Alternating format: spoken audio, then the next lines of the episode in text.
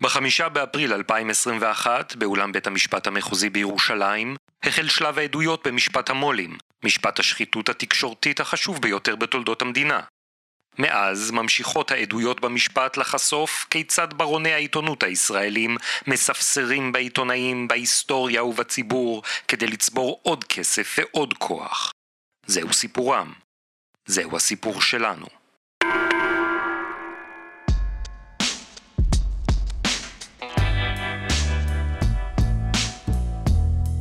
מפקח עמרי סמבורסקי מהיחידה הארצית למאבק בפשיעה הכלכלית מדווח על בדיקת כונן נייד של עד המדינה ניר חפץ.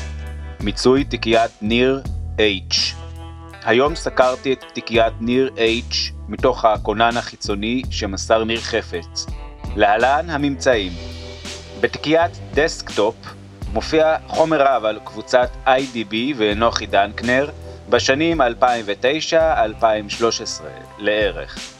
בתיקיית My Documents מופיעים חומרים על מה שנראה כמו פרויקטים קודמים של ייעוץ אסטרטגי שבוצעו על ידי חפץ.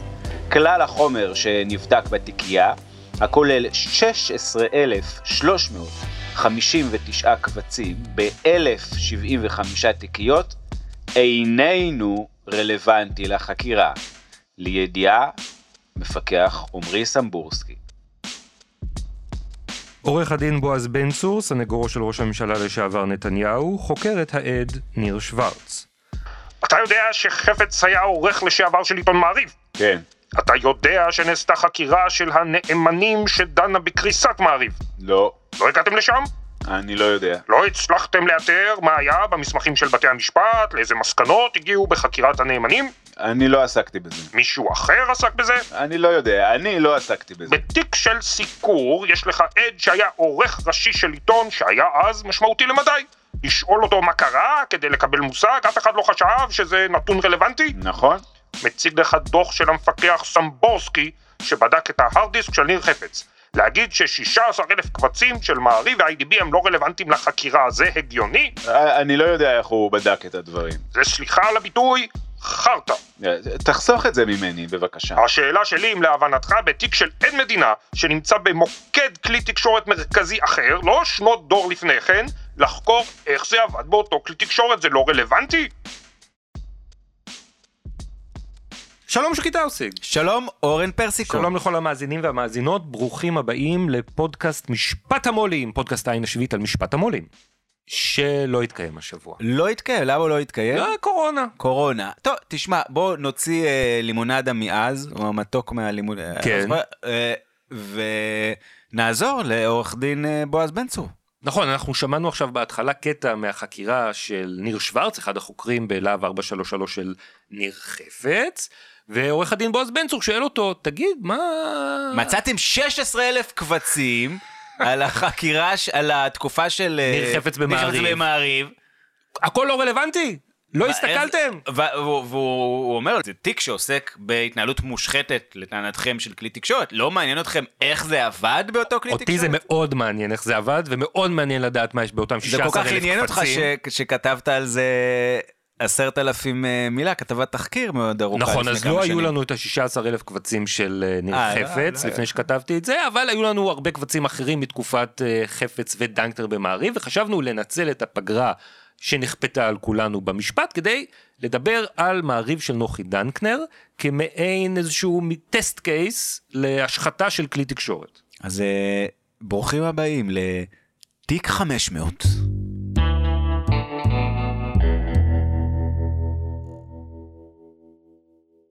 מעריב בתקופת נוחי דנקנר זה אה, קפסולה, זה כמו הקפסולות האלה שרוצים, ששולחים לחלל ושמים בתוכו, לא זוכר, מהדיסקים של אלטון כן. ג'ון וזה, כן. כאילו לריכוז של התרבות האנושית, שאיכשהו תמיד זה במקרה אותו ברנש שעשה את הקפסולה, אבל נוחי דנקנר בתקופת מעריב זה קפסולה של שחיתות עיתונאית, של הון שלטון עיתון. וזה ממש מדהים להסתכל גם איך זה מקביל לסיפור שלנו, לתיק 4000, אה, אלוביץ' אה, ונתניהו, איך, איך הדבר הזה מתרחש בצורה ממש עזה ומרוכזת במעריב של נוחי דנקנר, באותה, מה זה, תקופה של שנה וחצי. שנה בערך. וחצי. אה, לדוח הנאמנים שעורך דין בן צור הזכיר, אנחנו נגיע קצת בהמשך, אבל בואו נציג קצת את הדמויות הפועלות בדרמה התקשורתית מושחתת שלנו. קודם כל בתפקיד אילן ישוע, מי שהיה מנכ"ל וואלה, יש לנו את... ניר חפץ.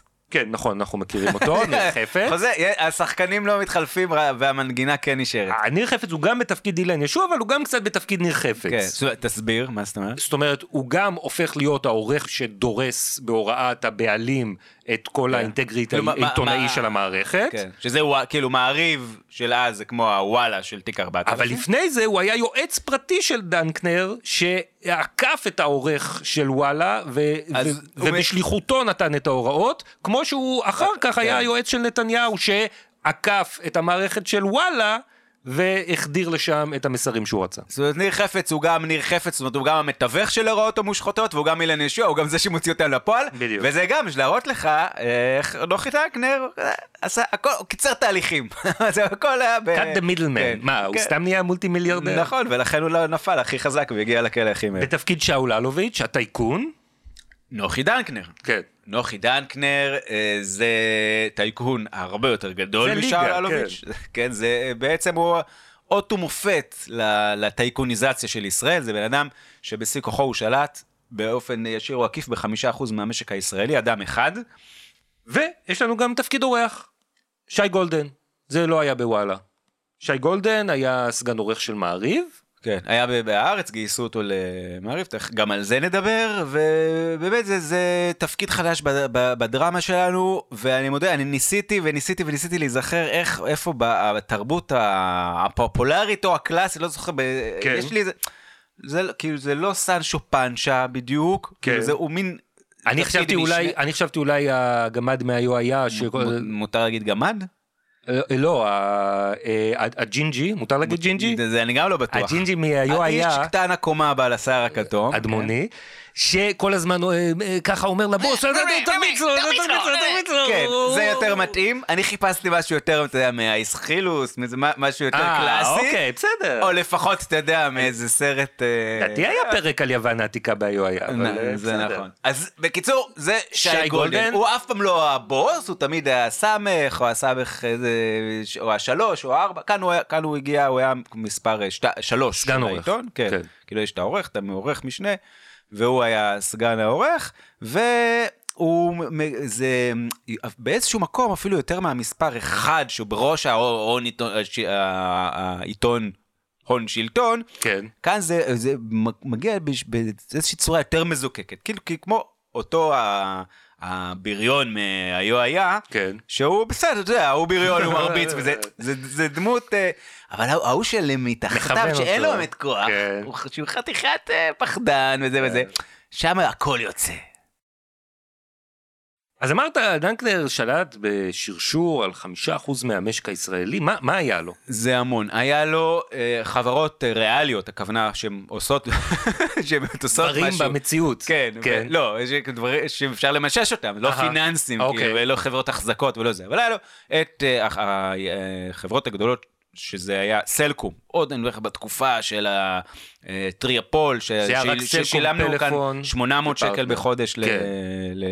היה לו לשיחות את בסלולר. שופרסל. שזה עד היום אה, כמעט מונו, מונופול, או אפילו, לא יודע אם בפועל לא זה, אבל חברת מרכולים הכי גדולה, שולטת בשוק המזון. היה לו מונופול ממש של מלט, כן. אה, נכון, שהוא העביר, אה, היום זה נמצא אצל בלווטני. היה לו, מהצד השני, בפיננסי, היה לו את כל חברת כלל. כן, כלל ב- ביטוח, ב- כלל פיננסי, והיה לו עוד המון, המון, המון, המון החזקות בהמון חברות. בהייטק, בכימיקלים, זה באמת דברים שונים ו- ומגוונים. עכשיו, הוא לא כמו אלוביץ', הוא לא איזה מוכר טלפונים שהחליט אה, לקנות את בזק, מאיפה הוא נכון. מגיע? לא אלוביץ', לא אילן בן דב, לא יצחק תשובה, זה בן אדם, ככל שיש בכלל במדינת ישראל אצולת כסף, אז זה נוחי דנקנר. נוחי דנקנר, אה, אגב, שתכף נגיע, הרי אנחנו מספקים על נוחי, דנקנר ומעריב.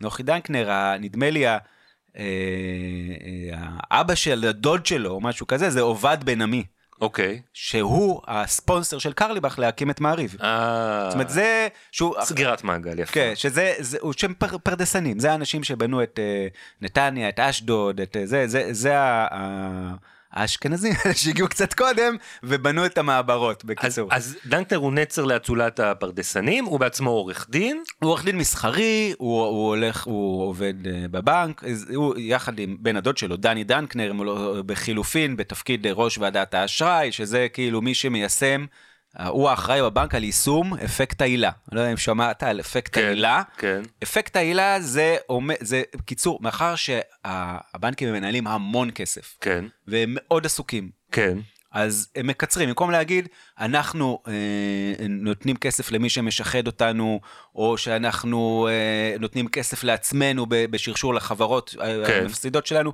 אז קוראים לזה אפקט העילה. אז זה ככה, גם עכשיו בפודקאסט, נקרא לזה ככה בקיצור. אוקיי. זה, זה מה זה אומר אבל? זה, זה מושג שהשתמשו בו בוועדה שבדקה למה במשך שנים על גבי שנים נתנו לטייקון אחר, אליעזר פישמן, למה? מיליארדים על גבי מיליארדים. אמרו, למה נתתם? הוא כבר, הוא כבר חייב לכם. כבר הנכסים שמשועבדים הפסידו, נפלו. כן. בואו, למה כאילו, המשכתם לתת? ממשיכים, אתם, לא רק? שאתם לא דורשים את זה, אתם ממשיכים לתת לו עוד. עילה. מיליארד. "כן, אפקט העילה. הוא, זאת אומרת, בא בן אדם, כן. עם והוא עילה. הוא לבוש בפשטות, כן. אחרי זה על מיליארדר איך אומרים שהוא היה עם חליפה מפוארת, אז זה לא כן. משנה. אבל זה, זה בדיוק מוכיח, זה לא כן. משנה איך הוא לבוש, כן. ולא משנה אם הוא, אם הוא מצליח או מפסיד, יש לו עילה. אז זה, אה, כן, אפקט הכאוס של הבנקאות, ונוחי דנקנר, הוא מספר עכשיו, סיפר בזמן באחד הראיונות, הוא אומר, הייתי עורך דין, עשיתי, דיווחתי בעסקאות, ואז אמרתי, ראה, אני טוב בזה, למה שאני לא בעצמי, למה שאני רק אה, אחתוך איזה, אני אעשה בעצמי את העסקאות. כן. והוא כולל, יש כאן סיפור מאוד מעניין, שאני אספר לך אותו, אבל נחתוך אותו אחרי זה כן. ב- בעריכה. כן. אה, והוא קונה את אה, תאגיד IDB. IDB שמקבל ב- בירושה, הוא השתלט במסגרת ההפרטה הגדולה של מדינת ישראל, הוא שולט על המון דברים שפעם, של כלל, על כלל תעשיות וכולי וכולי. אה, מא- מאיפה יש לו כסף לקנות את IDB? הוא מכיר מישהו בבנק. אה, הבן דוד. אה, כן, לא, הוא לא זוכר, אתה יודע, מישהו, הוא הכיר מישהו בבנק, היה לו עילה, ואגב, הוא גם באמת בן אדם, עם, בן אדם מרשים. מרשים. עם עיניים כחולות. עיניים כחולות. כן. עיניים עם כחולות. אה, לסת מסוטטת. מסוטטת, כן. יפה מאוד. הוא היה במנזרים, יש לו, הוא היה במנזרים טיבטים. החברות, החברות הפרטיות שלו, כן. שחובות המיליארדים שלהם, הם אלה שבסוף, שאי אפשר, הם אה, הפילו אותו, כן. אה, בין השאר, אה, נקראות על שם מסדר של אה, נזירים טיבטים. יפה מאוד. גנדן וזה, כן. מלח הארץ. אז הוא... אגב, כל השחיתות של, הכל התחיל ממלח, אבל אמרת לי לא לדבר על זה, אז כן. אנחנו נעזוב את זה. אז הוא רוכש את IDB, לובע הרבה כסף בשביל זה, והעסקים משגשגים. את מי זה מזכיר לך? אה, אגב. שאול אלוביץ' שאול אלוביץ'. לווה הרבה כסף כדי להשתלט על בזק. כן, ואז לסחוט את הציבור על ידי בזק, כדי בשביל לשלם. להחזיר את החוב שהוא לקח בשביל לשלם על אה, בזק. אז גם דנקנר עושה את זה. בקיצור, דנקנר הולך מחיל אל חיל, הוא קופץ מעילה לעילה, כן. עד שהוא מגיע באמת להיות טייקון הטייקונים, זה גם ש- עשור של גאות בבורסה, שנות. גא- גאות בשווקים, כן. כן. אחרי, השנות האלפיים הרי נפתחות בהתפוצצות בועת בועת הדוט ההייטק. ואחרי זה הכל עולה ועולה ועולה ועולה ועולה בטירוף, איזה יופי. כן? כולם ש- מרוויחים. אני לא זכור לי שהרווחתי כן. משהו, אבל בסדר. כן. אמ, ואז ב-2007 מתחיל אה, להתעורר כל מיני רכשים משוק המשכנתאות בארצות הברית, בלה בלה בלה, 2008, התמוטטות עולמית. כן. ו-.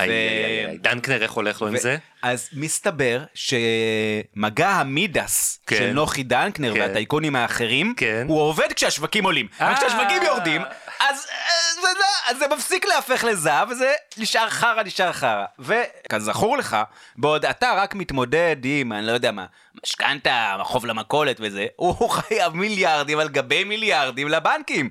עכשיו, נוחי דנקנר גם...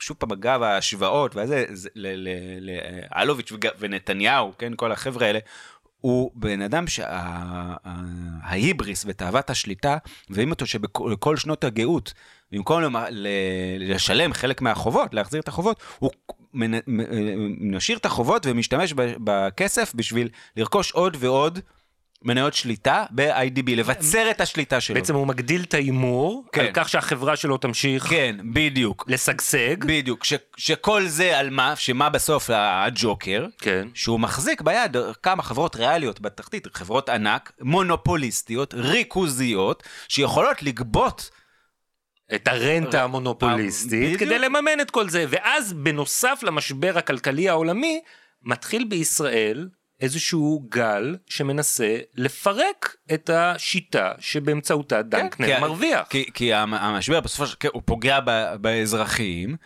ואז הטייקונים שזה פגע בהם, הם הולכים לקחת את הכסף מהאזרחים. מה זה אומר, איך הם עושים את זה? מעלים מחירים. מעלים מחירים, איפה? בשופרסל, שופרסל, בסלקום, סלקום.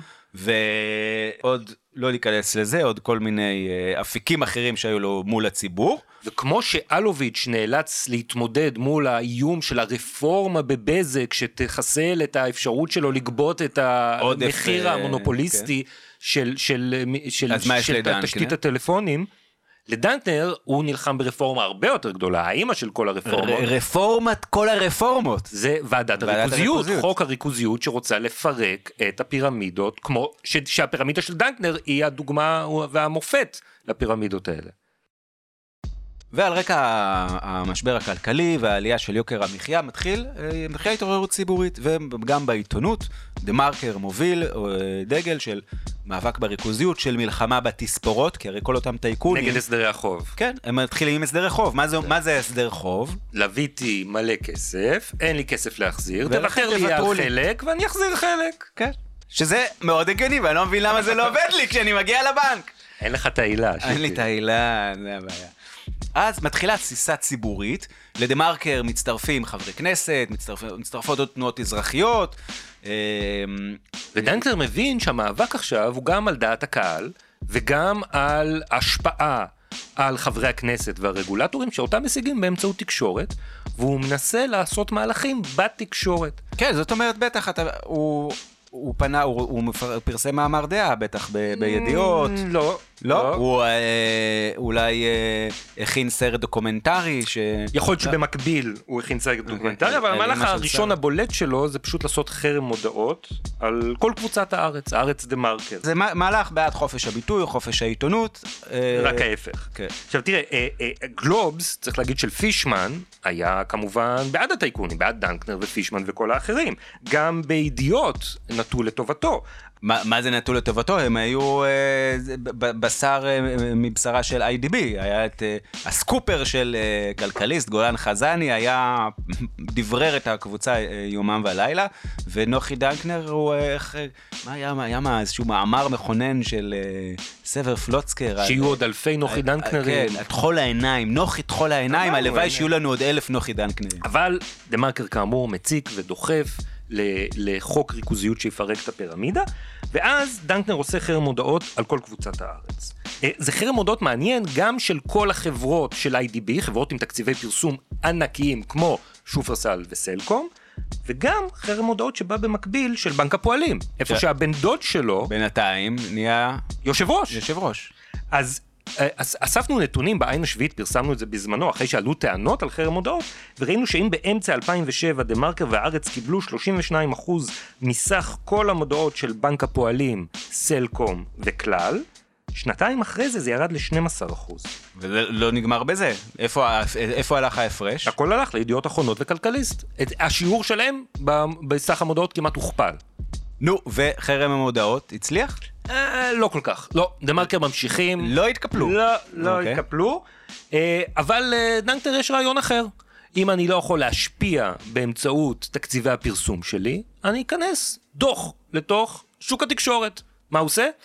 אז באמת באותה תקופה לא דיברנו על איזה עיתון לא דיברנו, היה עוד עיתון גדול שפעם היה העיתון הנפוץ במדינה, מעריב, מעריב, אה, שהוא קם במסורת מפוארת של עיתון שהיה שייך לעובדים, קואופרטיב שהקים עזריאל קרליבך. כדי להיחלץ מהדורסנות של הסבא של נוני. מוזס, מוזס. יהודה, יהודה, יהודה מוזס שעשה צנזורים ורצה להשתמש בעיתון בשביל לקדם את העסקים לא, שלו. רוצים עיתון אמיתי, עצמאי, של העיתונאים, כן. שיפעל למען הציבור. נכון, וקם מעריב, כן. ומונהג בידי העורך המיתולוגי עזריאל קרליבך, שמת בנסיבות שעד היום יש עליהן רכילויות, והעיתון... הופך לנפוץ במדינה. הוא, הוא היה, כן, הוא הפך מהר מאוד לנפוץ במדינה, אבל אחרי שקרליבך מת מתחילה איזושהי תקופה של הידרדרות, לא ניכנס לכל זה, אבל באותה תקופה, אנחנו תקופה, מדברים אנחנו על ב-2011, מעריב הולך מדחי אל דחי, הוא בעוד... ב- מזמן לא הכי פופולרי. הוא כבר לא הכי נפוץ, כן, העיתון הנפוץ במדינה זה עד שנות ה-80 בכל הם המשיכו להשתמש בזה גם כשזה כבר היה לא נכון וידיעות תקפו אותם בסיבוב. וב... אבל הוא גם עסק מפסיד. ומה זה עסק מפסיד? הוא היה חברה ציבורית ואז יכולנו לדעת בדיוק שהוא מפסיד עשרות מיליונים כל שנה אצל נמרודי. כן, הוא היה שייך לעופר נמרודי, זה נכון, הוא אה, קנה אותו, אני זוכר, מקסוול קנה אותי, זה, הוא קנה אותו מה, מהעובדים בעצם, אותו קואופרטיב שהיה שייך לו, אבל אה, כמו אם אתה זוכר, עוד נסיבות מסתוריות כן, ועוד רכילויות. נפל מהיאכטה, נפל. וגילה, גילו שהוא עמל במיליארדים. מהכספי כן. הפנסיה של העובדים בקבוצה העסקית שהוא החזיק. אה, ואז אה, האנשים שעשו את הונה מעסקאות נשק, משפחת נמרודי. משפחת נמרודי, קונים את העיתון. אה, זה בפני עצמו יכול להיות שוב פעם סדרה שלמה של פודקאסטים על תקופת נמרודי במעריב, אבל נמרודי אה, באיזה שלב כבר נמאס לו להפסיד. הוא לא, לא, אה, הוא לא הפסיד שם, אני חושב, בכלום, הוא הרוויח הרבה מאוד, אוקיי. רק העיתון הפסיד, אבל אוקיי. לא ניכנס לזה.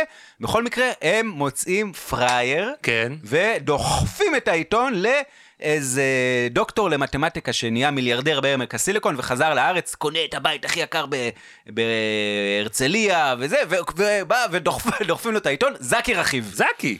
וכמו שהוא בא, ככה הוא הולך. הוא, הוא איכשהו נכנס לעיתון, הוא רואה שהוא נכנס לבור הרבה הרבה הרבה יותר גדול ממה שהוא חשב, ומגיע אה, אביר חדש על חמור שחור, כן. נוחי דנקנר. לא, זה הברבור שחור לדעתי.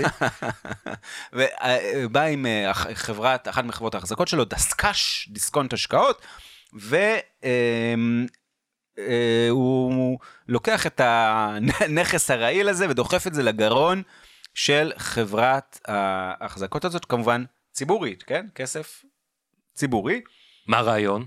למה למה חברת דסק"ש צריכה עיתון מפסיד? אז קודם כל, אורן, אני, האמת, קצת עמום שאתה שואל את זה, כן. כי הוא בא להציל את העיתונות, אה, דמוקרטיה. הוא בא להציל את הדמוקרטיה, כן, כאילו. שמעתי על זה, כן. אה, עכשיו, אבל- חוץ מזה, יש אבל גם... בכל זאת דירקטוריון, מה הוא אומר להם? יש תוכנית עסקית. כן, מה התוכנית? או יש סינרגיה. סינרגיה. סינרגיה, היה להקה כזאת פעם, לא? אוקיי. אז לא, הוא לא, הכוונה לא להקה, אלא הוא אומר, תשמעו, יש לנו, חבר'ה, פה, תעשו חושבים, כן. כאן יושבים בזה. יש לנו את סלקום. סלקום. טלפונים. טלפון. כן. אוקיי, יש לנו את נטוויז'ן. נט ויז'ן, זה היה אינטרנט. מילה משותפת. סינרגיה. מילה משותפת. תקשורת. מה? תקשורת. תקשורת. צריך כלי תקשורת. מעריב. 300 מיליון שקל יש לך? יאללה. יאללה. זה לא שלי, של הציבור. אז יופי, עוד יותר טוב. אגב, שנים אחר כך, במסגרת תביעה נגזרת שהוגשה נגד הדירקטורים של דסק"ש, הסתבר שהדירקטוריון אישר את הצעתו של נוחי דנקנר לרכוש את מעריב תוך מודעות למצבה ההפסדי המתמשך של החברה, של, של מעריב. בלי שהייתה בפניו הערכת שווי לחברה, בלי תוכנית עסקית לשיפור מצבה, ובלי תוכנית מפורטת להשתלבות עסקי החברה בחברות אחרות של דסק"ש. כן. או בקיצור, סינרגיה. אפקט האלה. קטע מתוך תגובת נוחי דנקנר לתחקיר של אבנר הופשטיין ומבט שני על תקופתו במעריב. מעריב בתקופת נוחי דנקנר התנהל בצורה מקצועית, שקופה, פלורליסטית ומאוזנת, תוך שמירה על חופש הביטוי וחופש העיתונות של העורכים והכותבים, תקנון העיתון וכללי ממשל תאגידי מחמירים ומוקפדים ביותר על פי כל דין. ובכלל זה סיקור מסיבי של המחאה החברתית בהיקף שאינו שונה מאף עיתון אחר. נוחי דנקנר או כל גורם אחר מטעם IDB מעולם לא פנו, לא ביקשו ולא התערבו בתוכני העיתון בשום אופן ובשום נושא. אה, אוקיי, אז סיימנו עם הפודקאסט? כן, הוא פשוט אה, לא התערב. הוא, הוא לא פנה, בשום הוא לא צורה. ביקש. לא הוא בשום אופן. ולא מישהו אחר. בשום נושא. לא ברמז ולא בקריצה. כן. אז אתה יודע, זה גם הרבה פעמים, כשיש את ה... מי, מי אמר את זה? לוי אשכול, לא זוכר מה, שכשאין לך, אין מה להגיד, הרם את הקול, כן, שכותבים לו ב- כן, כן, בנאומים. אז גם, כשאתה משקר שקר כאילו שהוא בוטה וגס בצורה שהיא בלתי תיאמן, כן. אז ת, תלך עם זה, תגזים, תגזים זה עד הסוף, תעשה אותו עוד יותר בוטה, עוד יותר גס. טיפ מעורך העין השביעית. אז נוחי דנקנר נכנס למעריב, מה הוא עושה?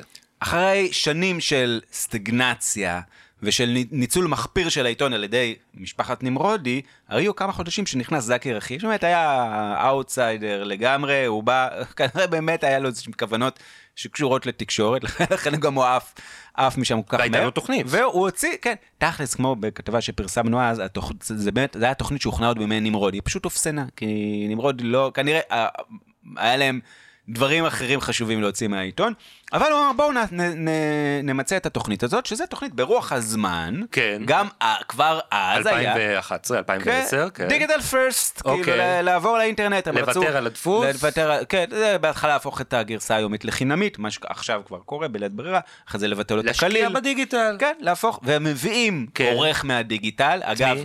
עורך וואלה אבי משולם, עוד אבי איזושהי, משולם. כן, עוד איזושהי הצטלבות עם... אה, תיק אה, 4000, למרות פרשת, שמשולם הוא מלפני התקופה כן, של התיק. לפני, נכון. אז הם רוצים לצמצם הפסדים באמצעות המעבר כן, הזה לדיגיטל. ומוצאים תוכנית ייעול והתחדשות אה, עם עורך חדש, ואז נכנס דנקנר. בורח מהעיתון, נכנס נוחי דנקנר, לוקח את התוכנית, ו-180 מעלות. גורס אותה. הוא, כן, הוא אומר, חבר'ה, השנה היא 2011. כן, מה מה אנשים אנחנו רוצים? בעידן הדיגיטלי, מה אנשים אנשים רוצים? רוצים עיתון ברודשיט עם מוסף תרבות של 48 עמודים. עיתון ברודשיט, שאנשים יבינו, זה כאילו העיתונים עם הנייר הגדול, יותר דומה לארץ. סדין, הארץ. סד- לא משנה כן. שהארץ זה ברלינר, לא לא ניכנס לכל ה... אה, אוקיי, סליחה, סליחה. אבל כאילו לא טבלואיד קטן, משהו שאתה לא יכול לקחת איתך בשירותים, כן. להגדיל את הנייר. אתה יכול ויהיה לך אחרי זה לנגב גם אם היית שם הרבה זמן. עוד דבר שדומה לארץ, הוא רוצה מוסף תרבות יומי גדול ומורחב, כמו גלריה. וכמובן להרחיב מאוד, להגדיל את מוסף הכלכלה. שיהיה כמו דה מרקר. דה מרקר. אז בעצם הוא רוצה... אני, אני, אני מזהה כאן איזשהו קו, אורן, אני לא יודע, אתה כאילו מסיח לפי תומך, אבל אני מתחיל לארח כאן איזשהו... זה, האם נוחי דנקנר קנה את מעריב, הטבלואיד, שהיה אז השני בתפו, או שלישי בתפוצתו ב, במדינת ישראל, בשביל להילחם בעיתון הברודשיט, סליחה, ברלינר האיכותי, הארץ? התשובה היא כן, שוקי. או, אז למה שאלתי כן. כל כך הרבה? זו שאלה ארוכה בשביל תשובה כל כך קצרה. אגב, ההכחשה של דנקנר שלא הייתה לו שום מעורבות אישית, כמובן שחוקית ותקנונית אסור היה לו להתערב בכלל בעבודת המערכת או בכל דבר, כי הוא אפילו לא המנכ"ל, הוא בעל השליטה של איזושהי חברה שמחזיקה בשרשור חברה שמחזיקה את החברה שמחזיקה במעריב. אבל יש לנו עדויות מאותה תקופה למעורבות ישירה שלו במערכת. למשל, בקיץ 2012, העורך אז, ניר חפץ, שולח מייל למנכ"ל החברה טל רז ומודיע לו, גם היום נדפיס את העיתון בשני קונטרסים, זאת אומרת בשתי חוברות. וטל רז שחושש לתקציב, שאין לו כסף, הרי העיתון מפסיד, הוא אומר, מה ההצדקה לשני קונטרסים? וחפץ משיב לו שני מילים, נוחי ביקש. זה אגב, כמובן רק שיהיה ברור, דוגמה אחת מאין ספור דוגמאות להתערבות שהייתה בעצם כמעט יומיומית מטעם אה, נוחי דנקנר ואנשיו בהתנהלות של אה, אה, מעריב. אגב, במעריב לא הצליחו להוציא לפועל באופן בר קיימא אף אחד מהמהלכים שהם תכננו. היוזמה להרחבת הפורמט של מעריב, הדפים, זה הגיע לשלב של הדפסת גיליונות לדוגמה, ואז גנזו את זה. המוסף הכלכלי החדש מעולם לא קם, ומוסף התרבות ג'ורנל היה לכישלון כלכלי ונסגר בחיפזון. כן. ואספר לך סתם אנקדוטה, כי אתה אומר תכננו. מה- מי כן. מי זה תכננו? ב-19 ליוני 2012. זאת אומרת, כן, אח- הרבה אחרי לקראת ההתמוטטות לקראת הסופית. הסוף המהיר כן, של תקופת אה, נוחי דנקנר ומעריב, כשהנהלת מעריב החדשה עמדה בפני עוד תוכנית התייעלות כואבת, כבר הבינה כי העיתון לא צפוי להפוך לסיפור הצלחה, כמו שהם ניסו למכור לציבור. אה, יושב ראש הדירקטוריון, דני יעקבי, שולח למנהלת המחלקה, הכל- מנהלת המחלקה הכלכלית מצגת שהוא קיבל בדיוק שנה אחת קודם לכן, כשהם נכנסו לעיתון. אותה מצגת שסיפרנו לכם, המצגת שהתגלגלה עוד בימי נמרודי, על כן. ההתייעלות ו- והתאמה לעידן החדש. מה הוא כותב לה? הוא כותב לה ככה, הוא אומר לה, אין חדש תחת השמש, אולי תעזור לך, כאילו המצגת. והוא אומר, הוא אומר, הוא מפנה את תשומת לב על שקף 28, כן, שוב, העידן הדיגיטלי, והוא אומר לה, "אה, למה, מדוע לא הלכנו בכיוונים האלה? ומוסיף, שאלה להיסטוריונים. והיא משיבה לו מצגת מצוינת. כמו שעופר נמרודי אמר, הכל היה ידוע, רק לא היה אומץ לקבל את ההחלטות. כן. אתה מבין? זה- היה חסר להם את האומץ. היה חסר את האומץ. עכשיו, ברור שזה הכל קשקוש, כי ההחלטות התקבלו, וכבר העיתון היה על הפסים האלה, ונוחי דנקר בא ופשוט החזיר בכוח את הכל לאחור. כי הוא רצה, כאמור, להתחרות בארץ. הוא לא ו- רצה להתחרות בארץ, הוא רצה לחסל את הארץ. לחסל את הארץ. וחלק מהדרך שבה הוא רצה לחסל את הארץ זה לקחת את העיתונאים של הארץ. כן. עיתונאים בארץ באותה תקופה סיפרו שהציעו להם מה זה היה? היה ממש מסע רכישות מטורף. הרבה יותר גבוהות ממה שהם כן. קיבלו בהארץ, רק שיבואו שהוא לעבוד ידוע במעריב. שעמוס שוק, המו"ל עמ- המו"ל עמוס שוקן, שאפשר להגיד עליו הרבה דברים, ואומרים עליו הרבה דברים, כן. אחד מהם זה שהוא קמצן. והשני זה שהוא נאור. אז נאור וקמצן. זה- זה הולך אוקיי, ביחד. בסדר. אז באו אליהם והציעו, הרבה לא עברו. זאת אומרת, רובם לא עברו, רוב אלה שקיבלו את ההצעות, אחד כן עבר. שי גולדן, על שובו למעריב, על מסע הקניות של הבוס החדש נוחי דנקנר, העיתון, כפי שאני מזהה את מפת התקשורת בישראל, אה, בגלל המעורבות של הבעלים החדש, נוחי דנקנר וקבוצת IDB, אה, התחושה שלי היא שהמקום הנכון להיות בו כרגע בתקשורת בישראל הוא מעריב. אגב, נסיבות הבאתו של גולדן למעריב הן אחת הדוגמאות הבולטות לאופן שבו אה, דנקנר מלמעלה כבעל שליטה דרס את המערכת. בואו נשמע איך הגורמים השונים מתארים את הבאתו של גולדן למעריב. יועצו של נוחי דנקנר ניר חפץ מוסר את גרסתו לנסיבות גיוסו של שי גולדן למעריב. המשא ומתן עם גולדן הוא התקיים במהלך פגישה שלי ושל מנכ"ל IDB חיים גבריאלי אה, עם אה, סגן העורך המיועד ובהמשך בפורום שכולל את אה, גולדן וגבריאלי בלבד. אבל, אבל כל הסיכומים שאליהם הגענו בפגישה עם גולדן היו מותנים וכפופים להסכמתו של עורך מעריב אבי משולם. למיטב ידיעתי, למיטב ידיעתי, לפני החתימה על החוזה נפגש גולדן עם אה, משולם, הגיע עמו להבנות, ורק לאחר מכן נחתם החוזה. גרסת באי כוחו של מעריב לרשות ניירות הערך בעניין נסיבות גיוסו של שי גולדן למעריב. אה, גיוסו של מר גולדן אה, לתפקיד סגן העורך הראשי בוצע על אה, דעתו ותמיכתו של העורך הראשי דאז, מר אבי משולם. תנאי כהונתו והעסקתו של מר גולדן סוכמו ואושרו על ידי שני דירקטורים של החברה, זאת בשל היותה של החברה בתקופת מעבר, זמן קצר לאחר החלפת שליטה, ובשל היעדר תקציב. משעה שהסכים מר גולדן להצטרף לשורות העיתון, נחתם הסכם העסקה מול מעריב הוצאת מודיעין בע"מ, חברה בת של החברה, ונוצרה מערכת יחסים בין אותו עיתונאי לבין העורך הראשי של העיתון. והכל בכפוף להוראות תקנון ההתאגדות של החברה. תצהיר לא חתום שהוכן במעריב לחתימתו של העורך, אבי משולם. לאחר רכישת מעריב בידי דסק"ש, נפגשתי עם דנקנר ומנכ"ל IDB חיים גבריאלי ושוחחתי עמם על גיוס עיתונאים, תוך הסכמה מלאה על זהות המועמדים לגיוס. הפניות אל גולדן החלו בטרם נרכשה השליטה בעיתון. לאחר רכישת השליטה נעשתה פנייה נוספת אל מר גולדן על ידי מו"ל מעריב, כחלק מהמהלך שתואר לעיל, וזאת בתיאום עמי ובהסכמתי. אז עד כאן הגרסאות הרשמיות של כל הנוגעים בדבר לגבי נסיבות גיוסו של שי גולדן להיות... שכללו את הסכמתו המלאה, בדיעבד, למפרע, בעולם הזה ובעולם הבא, של העורך הראשי, מר אבי משולם. אבל לאחר שהחברה התמוטטה, הגיעה אלינו תכתובת פנימית בין הקודקודים בתוך מעריב שמציירים תמונה אחרת. תכתובת בין מנכ"ל IDB חיים גבריאלי ליושב ראש מעריב דני יעקבי תחת הכותרת שי גולדן. הוא חתם. ביקשתי מניר שיעביר לך. אסור שאנשי המערכת יראו את ההסכם. אה, האיסור כולל את אבי? נשוחח בעל פה. תכתובת בין עורך מעריב אבי משולם ליושב ראש החברה יעקבי. אה, החוזה של גולדן אצלך? החוזה הגיע אליי, שמתי אותו בכספת ולא קראתי. בשבוע הבא אומר לך מה יש בו, וכמובן שאתן לך לקרוא, אבל אני מבקש שיישאר אצלי בכספת.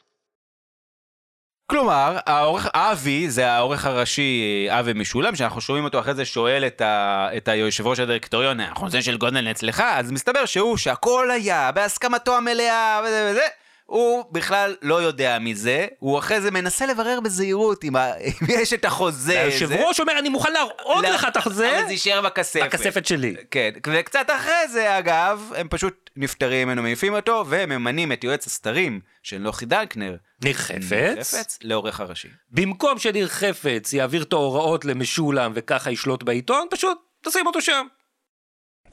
מכתב התראה לפני תביעה מעורך הדין של ניר חפץ לעורך העין השביעית שוקי טאוסיג.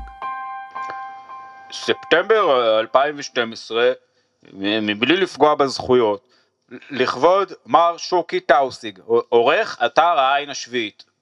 אדון נכבד, הנידון, המצאה טרם נקיטת הליכים. בעניין, דבריך מיום 24 לאוגוסט 2011 בתוכנית סדר יום ברשת ב' 1. החתום, אתה מייצג את מר ניר חפץ שבנידון, אשר היה בזמנים הרלוונטיים עורך עיתון מעריב.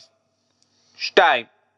ביום 24 לאוגוסט 2011 בשעה 09:34 שודרה פינה הוועדה המסדרת בהנחייתה של הגברת קרן נויבך במסגרת התוכנית סדר יום ברשת ב' ברדיו ובה התראיינת להלן הראיון.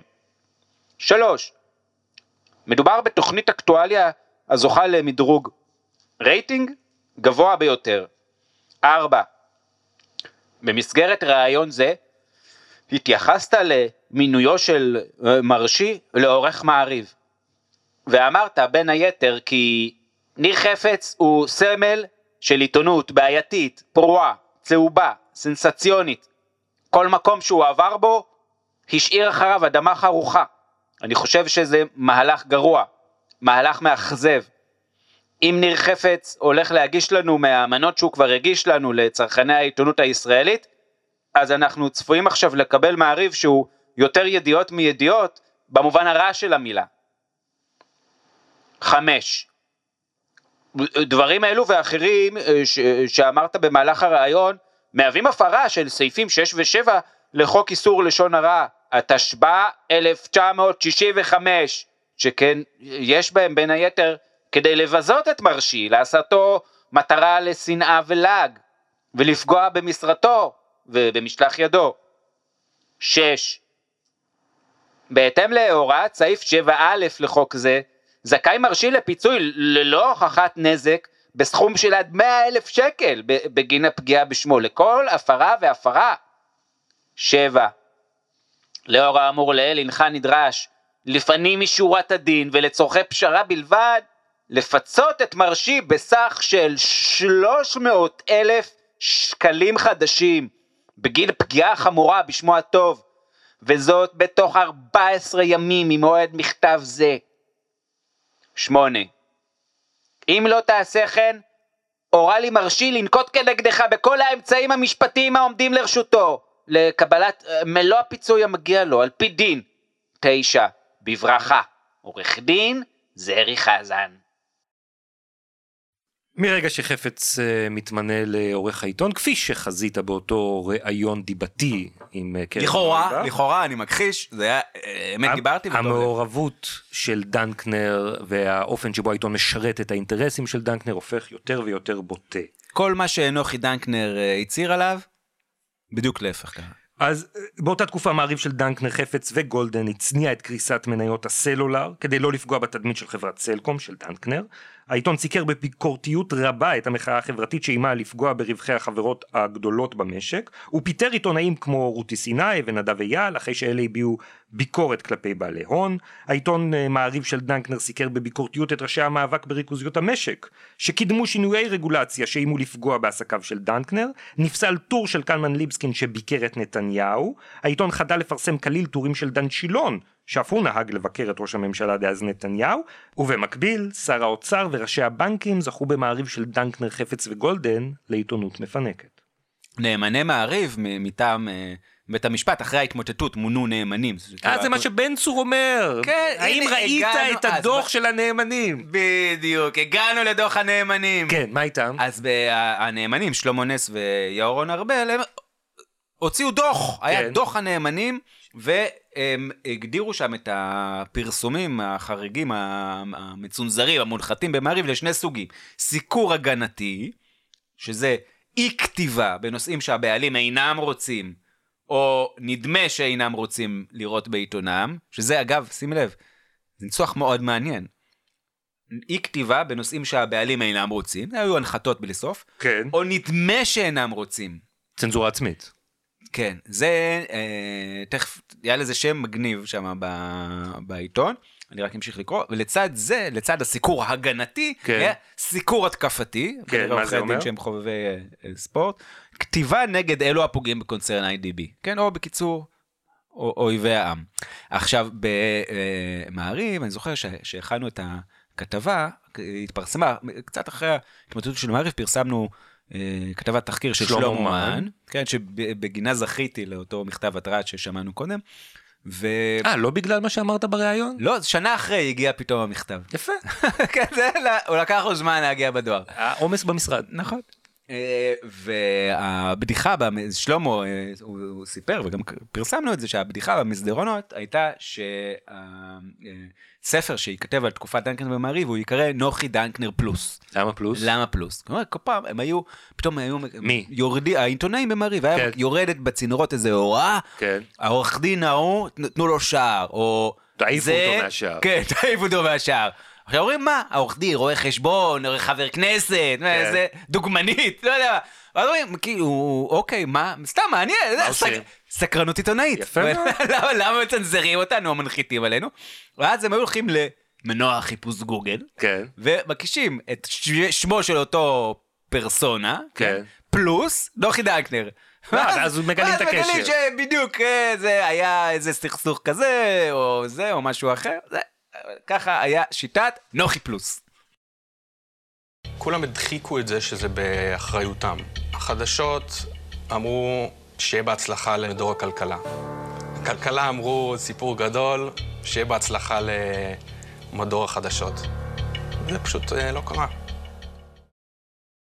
מה שמענו, אורן? שמענו קטע מתוך אה, כתבת התחקיר של אבנר הופשטיין במבט שני על קריסת מעריב של דנקנר, שמענו את יואב ריבק שהיה ראש מחלקת החדשות במעריב, מדבר על היום שאחרי המהפכה ההיסטורית בסלולר. המהפכה, אז זה... אה, אה, המהפכה של רפורמה- כחלון. כן, רפורמה מטורפת שחתכה בצורה אה, מרהיבה. את הכסף המנופח שלקחו מאיתנו חברות הסלולר, נכנע- נכון. לקח מהפה של נוחי דנקנר הוא לקח, והילדים שלו. רק להזכיר מה היה לפני המהפכה, היו שלוש חברות סלולר בישראל, סלקום, אורנג' קראו להם, ופלאפון. כן. כל אחד שילם מאות שקלים בחודש על המנוי שלו בסלולר, ואז הגיעה מהפכה קצת בדומה למהפכה שאחרי זה אילצה או ניסתה לאלץ את בזק לתת לאחרים להשתמש בתשתית שלה, הכריחו את החברות האלה לוותר על חלק מהתשתית שלהם ולהכניס תחרות. והתחרות נכנסה, המחירים צללו, ויחד עם המחירים שצללו גם המניות של חברות הסלולר הוותיקות. והיום הגורלי, אחרי, והיו מאבקים עקובים מדם, שמעריב כמובן גם השתתף בהם. כדי למנוע את הרפורמה. למנוע את הרפורמה שתטיב עם, שתרע עם אזרח ישראל, נוחי דנקנר. ותיטיב עם כל היתר, וב-15 לחמישי 2012 זה בסופו של דבר יוצא לפועל, ואז למחרת, ב-16 בחמישי 2012, הכותרות בעיתונים מכריזות. הארץ, מניות הסלולר התרסקו בגלל התחרות. דה מרקר, עידן סלולרי חדש. התחרות הגוברת שחקה את הכנסות סלקום משירות סלולר ב-22%. גלובס, מלחמת הסלולר מרסקת את מניות התקשורת. כלכליסט, טלטלה סלולרית.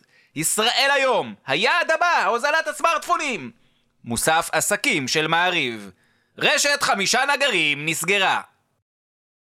השער של מוסף עסקים באמת היה חריג. בשער של מעריב כולו לא נאמרה מילה על התרסקות אה, מניות הסלולר, The revolution will not be televised. ובשער של מוסף עסקים הייתה הפניה קטנה לדיווח קצרצר בעמוד 16, ששם היה כתוב הירידה במניות התקשורת נמשכה. לא, אני לא חושב שאתה בדיוק אה, דייקת.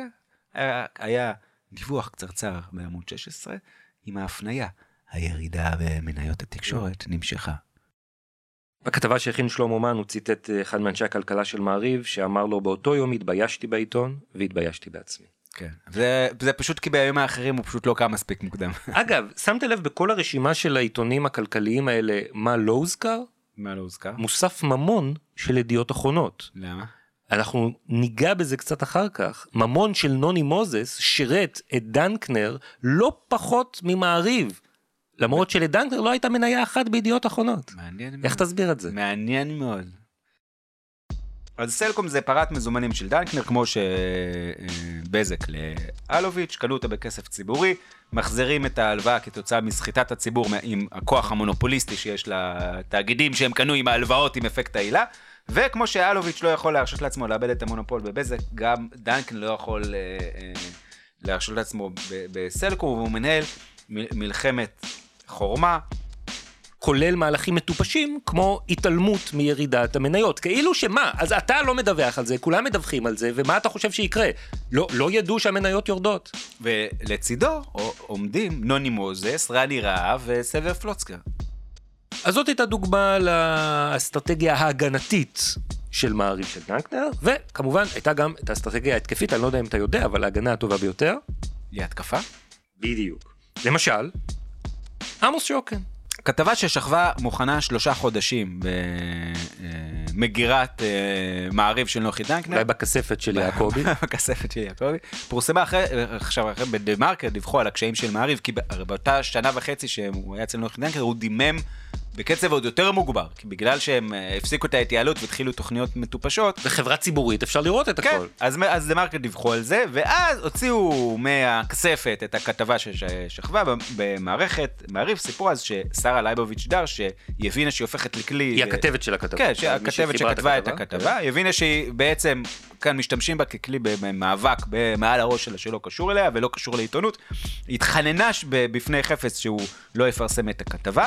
בניגוד לדרישתה היא פורסמה, קיבלה שער ושלושה עמודים, והיא הונחתה על הראש של עורך המוסף היומי, המגזין קראו לזה אבי יופי, גם הוא אמר שהוא לא היה שום צד בעניין. אבל מה זה הכתבה הזאת? מה הגילוי המרעיש? פה אני אקריא לך את הכותרת על השער. כן. הייתה לצד תצלום תקריב, אתה יודע, קלוזאפ של עמוס שוקן כן.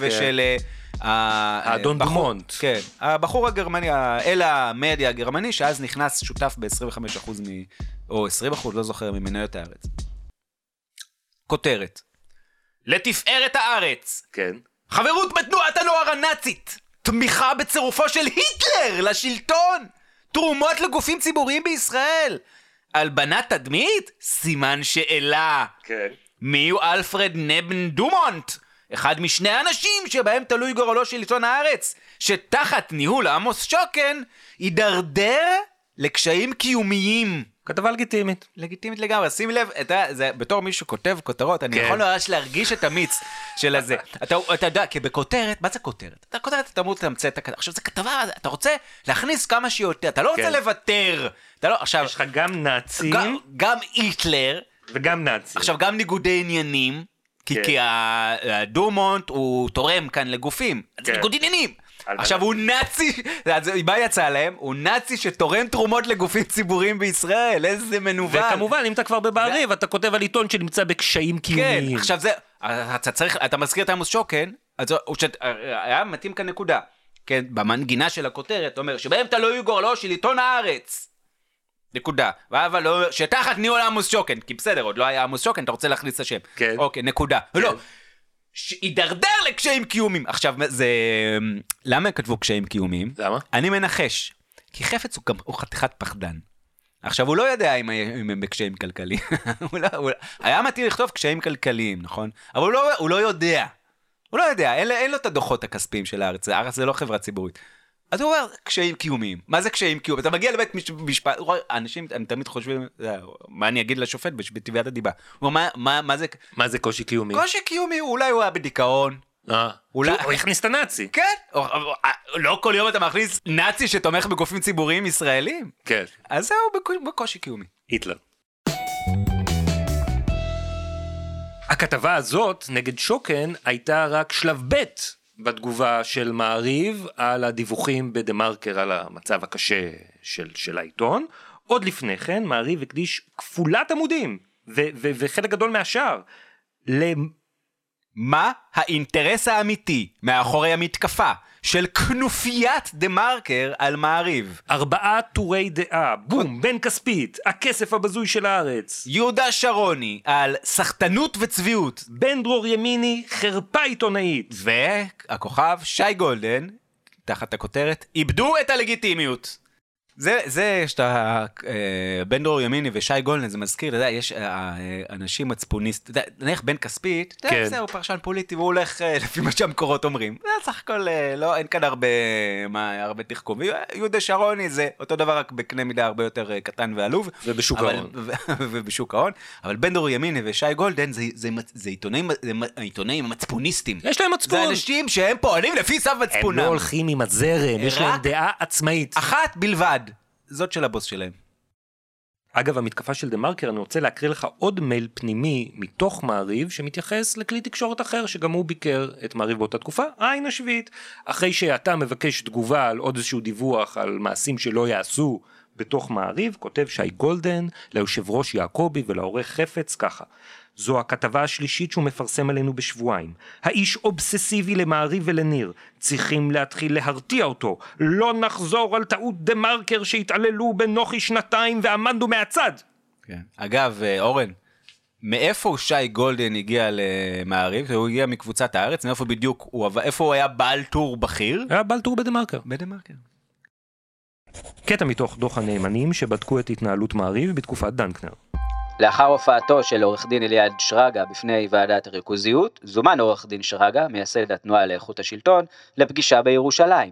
שם נכחו אנשי IDB, אשר הבהירו כי נעשה להם נזק, וכי הם הולכים לפגוע בו, בגיא רולניק, עורך דה מרקר, ובתנועה לאיכות השלטון. כשזה אה, מתהדק והוא עושה את המעשה המטורף הזה של לקנות את אה, מעריב, אז אני גם אה, נקרא יום אחד לאחד מהאנשים הבכירים אה, במטה אה, IDP, שאומר לי, אליעד, אתם יעד למטרת חיסול, אתם תחוסלו על ידי מעריב. אלה המילים המדויקות? הוא אומר לי במפורש, יש הנחיה לפגוע באליעד שרגא, בתנועה לאיכות השלטון, בגיא רולניק ובארץ. מתוך כתבת תחקיר של שלמה מן שפורסמה באתר העין השביעית לאחר התמוטטות מעריב של דנקנר. התנועה בראשותו של שרגא חרתה על דגלה מאבק בריכוזיות, שקונצרן IDB הוא המייצג המובהק שלה במשק הישראלי. הכתבות על שרגא נופחו פי כמה ממידותיהן, האריזה הריחה מחיסול חשבונות, ועל פי עדות של איש מערכת, דרגים בכירים בעיתון היו מעורבים. באנרג'י, אתר האינטרנט של מעריב, ידעו לספר כי בהוראה מגבוה, טורו של שי גולדן שתקף בחריפות את שרגא, נשאר באופן חריג במהלך יום שלם בדף הבית. בדסק החדשות יודעים לספר כי חפץ היה מעורב בהכנת הטור עד לרמת הפסיק. אגב, את הכתבה, אחד מכתבות החיסול על שרגא במעריב, עשה עיתונאי בשם גידי ליפקין. מי זה גידי ליפקין? גידי ליפקין זה יבוא אישי של ניר חפץ מידיעות. אגב, אה, גם זרי חזן, העורך דין ששלח כן. לנו את מכתב ההתראה, הוא היה כתב של ניר חפץ בעיתון, לפני שהוא פנה לקריירה משפטית. אה, אגב, אנחנו אומרים כאן כל הזמן כתבות חיסול, כתבות חיסול, מה, שנבין, אולי שיש איזו מחשבה, כאילו באו, חפרו עליך ומצאו את היהלומים שגנבת עם נסיך ניגרי. אז אם היית פותח את מעריב, ככה זה היה נראה באותו יום, כי היה צילום ענק של שרגא על כל השער של מוסף מעריב, extreme close-up עם כותרת מפוצצת, אבל מה, על מה הכל היה? איזשהו סכסוך על דמי שכירות במשרדים של התנועה, הביאו את כתב התביעה, כן, שמטבע הדברים כתב אותו העורך דין שטבע את אוליעד שרגא ו... הכניס לא- שם מה שהוא רוצה, עם הרבה ביטויים קיצוניים, ומרחו אותם לרוחב השער. במקביל, עיתון מעריב ניסה לשלוח כתבים לביצוע חקירה יסודית של עורך דין שרגא והתנועה לאיכות השלטון, כאילו ניסו להביא חומר אמיתי. וחלק מהכתבים התחמקו מהמטלה. לבסוף, במעריב של ה-18 במאי 2012 התפרסמה כתבה במוסף שמשתרעת על שני עמודים, מי כתב אותה? העיתונאי שי גולדן. דוגמה אחרת לסיקור התקפתי, כמו שקראו לזה הנאמנים, שהוא בוצע בתקופת אה, העורך מעריב ניר חפץ, היה כתבה, אה, לפי דוח הנאמנים, את רותם סלע, שפורסמה במהדורת אה, סוף השבוע של מוסף הכלכלה בינואר 2012. רותם סלע, השם מוכר לי, איפה היום? רותם סלע היום הוא אושיית ימין ליברטריאני, הוא המייסד של אה, הוצאת סלע מאיר, או אה, שיבולת, זו הייתה תוצאה בפנים, שהם מוצאים כל מיני ספרים של ג'ורדן פיטרסון, ואיך קוראים להוא שהוא מאוד פופולרי בפייסבוק. אה, הצל? לא, לא הצל, האמריקאי, זה הכל אמריקאי, זה הכל יבוא אמריקה. נגגל אחרי זה, לא משנה, לא, לא נטריח. אבל באותה תקופה, אה, רותם סלע כתב במעריב, על מה הוא כתב? אז הוא כתב, היה, היה אדם בשם אה, דוב מורן, היה בזמנו יזם אה, כן. הייטק מצליח, כן. הוא אה, המציא את הדיסק און קי לדעתי, נכון? זה היה... היה השס. הגדול שלו, אחרי זה הוא עשה כמה דברים פחות מצליחים. אחד הדברים שהוא עשה זה להתראיין לדה מרקר, ואמר שם משהו אה, בהתאם לבמה, נתן ביקורת על, אה, על ההון. ו- ועל נגד נוחי דנקנר, ו-IDB, כן. ואז הנאמנים כותבים בדוח שלהם, בסמוך לאחר יציאת הכתבה, עורך העיתון, ניר חפץ, נתן הוראה במערכת כי יש לבצע תחקיר מעמיק על דוב מורן, כן, לא רואים איך שאתה עושה עם האצבעות, אבל... אוקיי. והעבודה הוטלה על כתב ספציפי. הכתבה שבסופו של דבר ראתה אור, מציין הדוח, הציגה את מורן באור שלילי. הפתעה. בן שפירו! בן שפירו.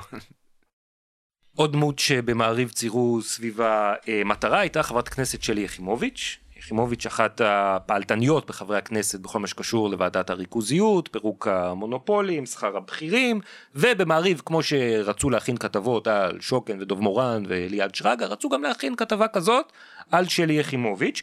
היא באותה תקופה הייתה בפריימריז, רצתה לעמוד בראש אה, מפלגת העבודה, וזמן קצר לפני הפריימריז היא מקבלת רשימה של שאלות לקראת פרסום כתבה כביכול, והיא החליטה לחסל את זה ברגע שזה הגיע אליה.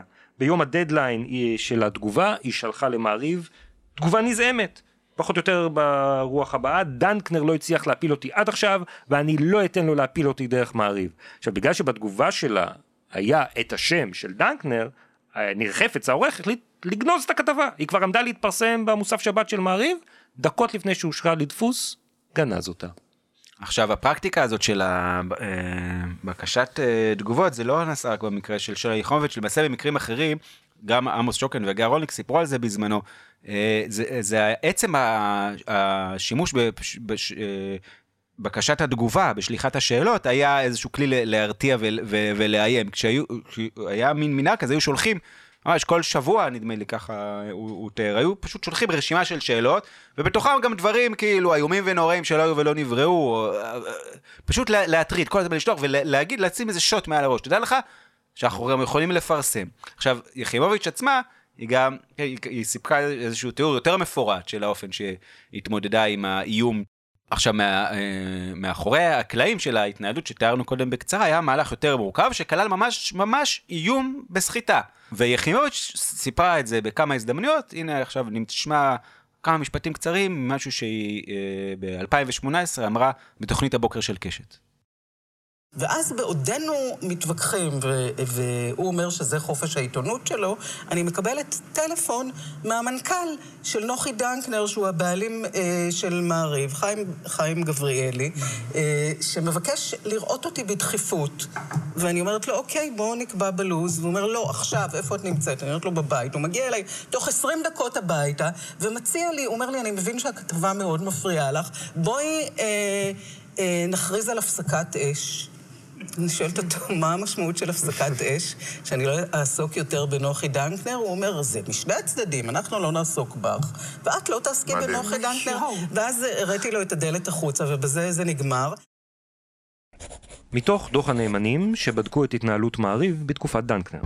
על אף עוצמת המחאה החברתית, נתנה המערכת הוראה לסקר נושא זה, הן מן הפן החדשותי והן מן הפן הכלכלי, בצורה מינורית.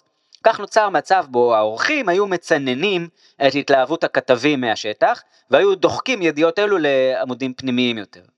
דוגמה תמוהה הייתה ההוראה שניתנה על ידי המערכת לאסור לפרסם תמונות של דפני ליף או כל מנהיג מחאה אחר. כך נוצר מצב שבו מדור החדשות סיקר את המחאה החברתית בזהירות, ומדור הכלכלה סיקר בצמצום את ההשלכות של אותה מחאה. באמת דוגמה תמוהה, יש עוד דוגמה תמוהה מאותה תקופה, באחת ההפגנות היה טוב. שוטר שחנק. כן, זו תמונה מדהימה, אתה רואה שוטר באמת גורילה, וזה בחורה צנומונת כזאת, שהוא אוכל, הוא ממש מרים אותה מהגרון.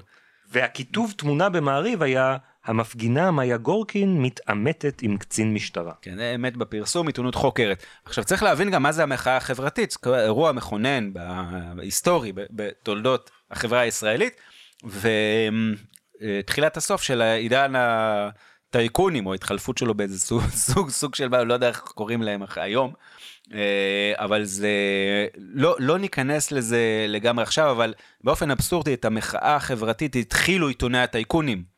התחיל ידיעות, התחיל ynet, אחרי זה ידיעות ומעריב, מאוד מאוד אה, נתנו רוח גבית למחאה, כי זה, המטרה הייתה להפיל את ביבי. נתניהו. כמובן. ונתניהו, שהוא גם קיבל עצות טובות והיה יותר ערמומי מהם, אפשר היה ממש לראות שבוע אחרי שבוע בשער ישראל היום את הניסיונות שלו להגיב.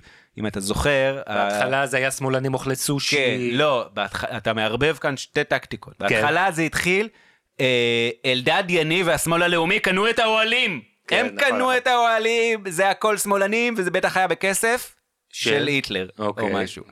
זה לא עבד, לא עבד. זה לא עבד, זה לא תפס, זה לא היה נכון.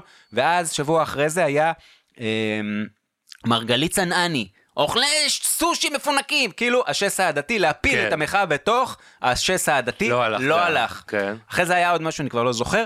בשבוע הרביעי, אם אני, אם אני זוכר נכון, שלישו הרביעי, על שער ישראל היום, החליט לרכוב על הנמר. היה יובל שטייניץ, נקודותיים, הוא היה שר האוצר, אם אני זוכר נכון, הטייקונים צריכים לשלם, או משהו כזה. היה המילה טייקונים, לדעתי בהופעת בכורה על שער ישראל היום, והמחאה באמת מתחילה לקבל שיפט, ובמקום, אני זוכר עוד את רני, רני רהב אומר, על מה אתם מפגינים כאן? תפגינו מול הכנסת. כן. אני- אגב, שים לב שאני לא יודע לעשות חיקויים. כן. אם אתם חושבים שמנסים כאן לעשות חיקויים, זה לא. מה שאני מנסה לעשות, כן. זה להוציא החוצה את האני הפנימי של האדם שאני מדובב. אני, אני לא יודע לעשות חיקויים, אני לא שחקן.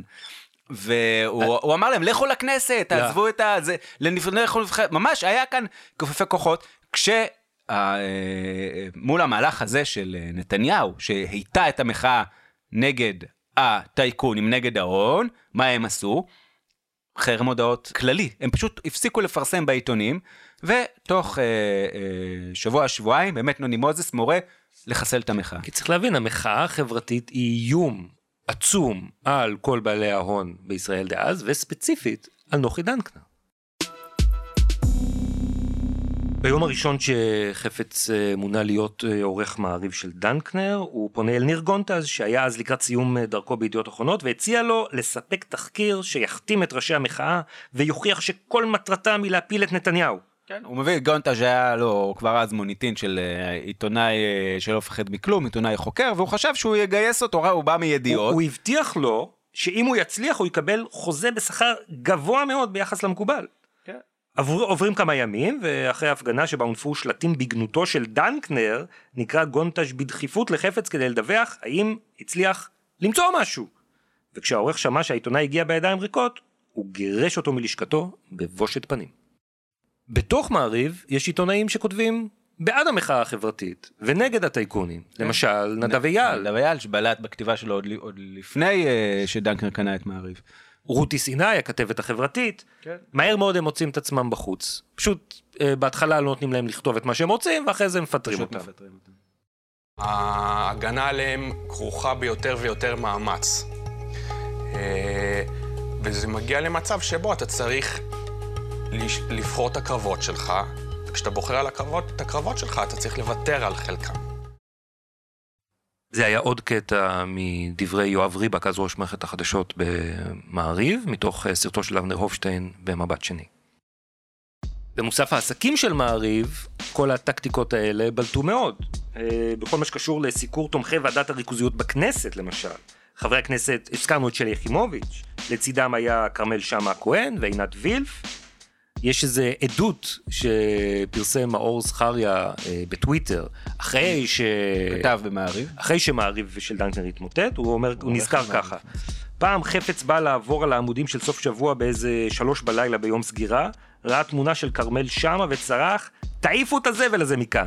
זאת אומרת, לא, זו לא כתבה על כרמל שאמה, אבל הוא היה שם באיזשהו תמונה שלא יהיה במעריב. כן, נדב אייל גם אה, צייץ, זה הכל היה אוסף של ציוצים בעקבות הפרסום של הכתבה שלך באתר עין השביעית, ובמקביל התפרסם הסרט של אה, אבנר במבט שני.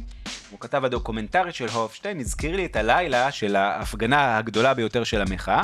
כמי שכתב את המובארקים וכולי, זה אותם מאמרים שלו על יוקר המחיה וזה, נשלחתי לשם, כתבתי. הטקסט מעולם לא פורסם. אה, וכמה חודשים מאוחר יותר חפץ פיטר אותי. מתוך כתבת תחקיר של שלמה מן שפורסמה באתר העין השביעית לאחר התמוטטות מעריב של דנקנר. מנגד היו הרשימות הלבנות, מונח רווח בבית מעריב, אנשים שמצווה לפרגן להם. שר החינוך גדעון סער, שלמד משפטים עם חפץ, שר האוצר יובל שטייניץ, מנכ"ל משרד ראש הממשלה אייל גבאי, ומזכיר הממשלה צבי האוזר. שני האחרונים קולגות של חפץ מתקופת עבודתו במשרד ראש הממשלה.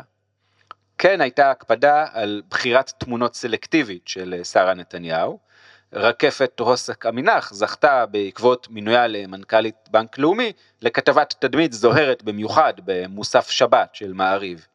גנדן, חברת ההחזקות הפרטית של דנקנר, חייבת ללאומי כחצי מיליארד שקל. על הרשימות השחורות והלבנות שעליהן דיברו בבית מעריב, אומר עורך בעיתון. מדובר ברשימות וירטואליות, אין באמת כאלה, אבל רוח המפקד שרתה עלינו. אנשים הבינו מהר מה מצופה מהם, את מי הם אמורים לסקר לחיוב או לשלילה, ואיך צריך לכתוב על נושאים ש-IDB קשורה אליהם. אפשר היה לכתוב על uh, נפילת ערך המניות של אחת מחברות דנקנר, מספר איש מערכת, כי ככה זה עם הנדנדות בבורסה. אבל מהפכת הסלולר, המחאה החברתית, או אפילו אירועים כמו התארגנות עובדי כלל ביטוח, השייכת ל-IDB וכיוצא באלה אירועים, הוצנעו. כתב כלכלה מעיד, בהתחלה אתה אומר לעצמך, בסדר, אז לא אכתוב על IDB או על חברות הבת. אבל ככל שהזמן עבר ראיתי שזה לא נגמר רק בזה, אלא מתרחב למקומות שלא חשבתי. בהתחלה אתה מתעצבן שסירסו לך ידיעה, מספר כתב אחר. אחר כך אתה מבין ומתאים את עצמך לסיטואציה. ועם הזמן אתה חוסך לעורך את העבודה ומצנזר לבד. זה הגיע למצב שהיינו יותר קתולים מהאפיפיור. זה כמובן אם האפיפיור היה בעל הון שקונה עיתון בשביל לסרס אותו ולהשתמש בו לצרכיו. אז התוכנית של נוחי דנקנר להשתעלת על עיתון דפוס מפסיד, כן, להתעלם מכל מה שקורה בעולם, שכולם עוברים לדיגיטל, להתעקש על פרינט, לזרוק לשם מלא כסף כדי לחסל את דה מרקר, לעצור את ועדת הריכוזיות, לעצור את פירוק המונופול שלו, לחלץ אותו מהתסבוכת שהייתה לו, כל זה לא הצליח. שנה וחצי אחרי שהוא נכנס למעריב, הוא פושט את הרגל ונאלץ להיפטר מהעיתון. כמה כל זה עלה לנו? זה עלה הרבה כסף, כי אתה צריך לזכור שבזמן שאנשי המערכת הפשוטים העידו שהם היו צריכים להביא נייר טואלט מהבית, כי לא היה כסף במעריב לממן את הנייר טואלט בשירותים, הבכירים שדנקנר הביא מקבוצות אחרות ב-IDB, הם קיבלו שכר של מיליונים. משכו מיל, מיליונים מהעיתון, מיליונים לגבי מיליונים, ו, וגם זה היה כסף קטן לעומת הכסף שנוחי דנקנר גרם לדיסקונט השקעות, לחברת ההשקעות הציבורית שלו, להשקיע במעריב. הם ש... הפסידו 300 מיליון שקלים. 300 מיליון שקל, זה מטורף. ואז הוגשה תביעה נגזרת שאמרה להם, רבותיי, דירקטורים, כן, מה אתם עשיתם? נזק לחברה. כן. ואז... כמה זה עלה לנו? עוד 100 מיליון עוד 100 מיליון שקל. אבל יותר מהמיליונים שהבכירים הכושלים לקחו, ויותר ממאות המיליונים שנוחי דנקנר זרק בשרשור על, אה, על מעריב בשורה של החלטות גם לא מוסריות וגם לא, אה, לא מקצועיות, זה עלה לנו, לנו, לציבוריות הישראלית, לחברה הישראלית, למשק הישראלי, בהרבה הרבה יותר כסף. כי כמו שעיכוב הרפורמה בבזק, כן, של אה, שאול אלוביץ', עלתה לנו מיליארדים, נכון? הבאנו לכאן את עורך דין שחר בן מאיר שהסביר איך הכסף העודף ששילמנו על, על, על טלפון, הצטבר למיליארד שקל בשנה, זה היה פי כמה וכמה וכמה הכסף ששילמנו על מחירי הסולר המנופחים, מחירי המזון המנופחים שאנחנו ממשיכים לשלם. ולכן כל, אה, באמת זה, זה הקפסולה של באמת טייקון הטייקונים עושה את המאמץ הכי ברוטלי, מכוער ואגרסיבי של רתימת התקשורת בשביל לבלום רפורמות לטובת הציבור. זה היה ממש אה, אה, בריכוז, אבל זה, אבל זה קורה כל הזמן, וזה עולה לנו כל הזמן כסף שאי אפשר למדוד אותו בכלל. מעריב הוא חלק מקבוצת IDB, כמו שאומרת השורה הזאת במדור עסקים. וזה לא, וזה לא אמירה שהיא אמירה עיתונאית, זו אמירה שהיא אמירה עסקית. כולנו פעלנו לפי זה. כלומר, לא מתוך איזשהו אה, חדווה, ולא עשינו את זה בהתנדבות, עשינו את זה כי, כי זה מה שחונכנו לעשות באותה תקופה. שוב שמענו קטע מדבריו של יואב ריבק, אז ראש מערכת החדשות במעריב, מתוך סרטו של אבנר הופשטיין במבט שני. אגב, מה ריבק עושה היום? עד לאחרונה הוא היה ראש מערכת החדשות בידיעות אחרונות. אה, זאת אומרת, אותו תפקיד שהוא מילא במעריב, הוא ממלא היום בידיעות. ידיעות אחרונות של נוני מוזס. הזכרנו קודם את היחס המיוחד שהיה לעיתון אה, ממון של ידיעות אחרונות לנוחי דנקנר לאורך השנים, ויש עוד קו מקשר בין מוזס לבין מעריב של דנקנר, קו ישיר. אחרי שניר חפץ נכנס לתפקיד העורך של מעריב, הוא חתם עם החברה של יואב יצחק, שמוציאה לאור את האתר שלו News One, על הסכם של שיתוף תכנים מהאתר תמורת 20 אלף שקלים לחודש. לפי בקשה שהגיש עורך דין אלעד מן לבית המשפט לחקירת ההתנהלות במעריב בתקופת דנקנר, נוני מוזס לא הסכים. מה הקשר נוני מוזס? לא הסכים שיואב יצחק יכתוב במעריב. זה, זה, אני יודע שהוא שונא מן הסתם את יואב יצחק, יואב יצחק היה מהעיתונים ש... היחידים שכתבו בביקורתיות חריפה נגד נוני מוזס, אבל אני, מה הקשר? אני בין... מזכיר לך שניר חפץ עבד קודם לכן כעורך בכיר בקבוצת ידיעות אחרונות, אז נוני מוזס הפעיל לחץ על ניר חפץ שנאלץ לבטל את החוזה שהוא חתם עם יואב יצחק, וזה עלה למעריב פיצוי של 100 אלף שקלים. אגב, כשדיווחו על זה בדה מרקר, מוזס לא מסר תגובה וחפץ מסר זהו שקר מופרך וחסר כל בסיס. אם ניר חפץ אומר, כנראה שהוא יודע על מה הוא מדבר. אה, אני, מזכיר לי עוד דבר, אם אתה זוכר, אלוביץ', ששוב פעם, טייקון גדול, מיליארדר גדול, או כן. לפחות עם חובות של, של הרבה מיליארדים, כן. גם אה, זה, הוא ממש, בסמסים, בהתכתבויות שראינו בתמלילי החקירה, אה, בחומרי החקירה, סליחה, אנחנו רואים שהוא ממש מפחד מנוני מוזס, למרות ש... כאילו לא קשור אליו בשום צורה. ואנחנו גם רואים כאן איך נוני מוזס יש לו הכוח ללכת לכלי תקשורת מתחרה מעריב, זה בכלל המתחרה המיתולוגי של ידיעות. ולהחליט מי יכתוב שם במילה. לא, אני לא מוכן שתעסיקו אותו.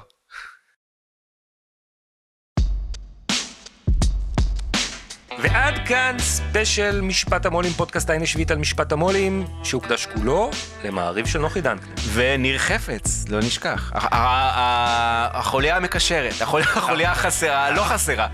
לא, חס... לא היה חסר לנו בכלל, בכל זאת קיבלנו אותו. תודה רבה שוקי טאוסי. תודה רבה אורן פרסיקו. תודה רבה לאוהד סטון על ההפקה והעריכה. אני רוצה להזכיר שחלק מהחומרים שהמחזנו כאן נערכו לצורך בהירות. תודה גם לכל המאזינים של פודקאסט העין השביעית ולכל התומכים והתומכות של שקוף העין השביעית, כלי התקשורת היחיד בישראל שכל תקציבו מהשקל הראשון ועד אחרון מגיע מתרומות קטנות של אנשים כמוני וכמוך. כן, אז הצטרפו, הצטרפו אלינו. אה, ואנחנו מקווים ששבוע הבא יהיה משפט. אה, אה, לפי החדשות, עסקת טיעון עם ביבי לא תהיה. כנראה שלא, אנחנו... עסקת טיעון עם נוני? בוא נראה. ברגע זה עמלים עליה מאחורי הקלעים. כל החדשות בשבוע הבא.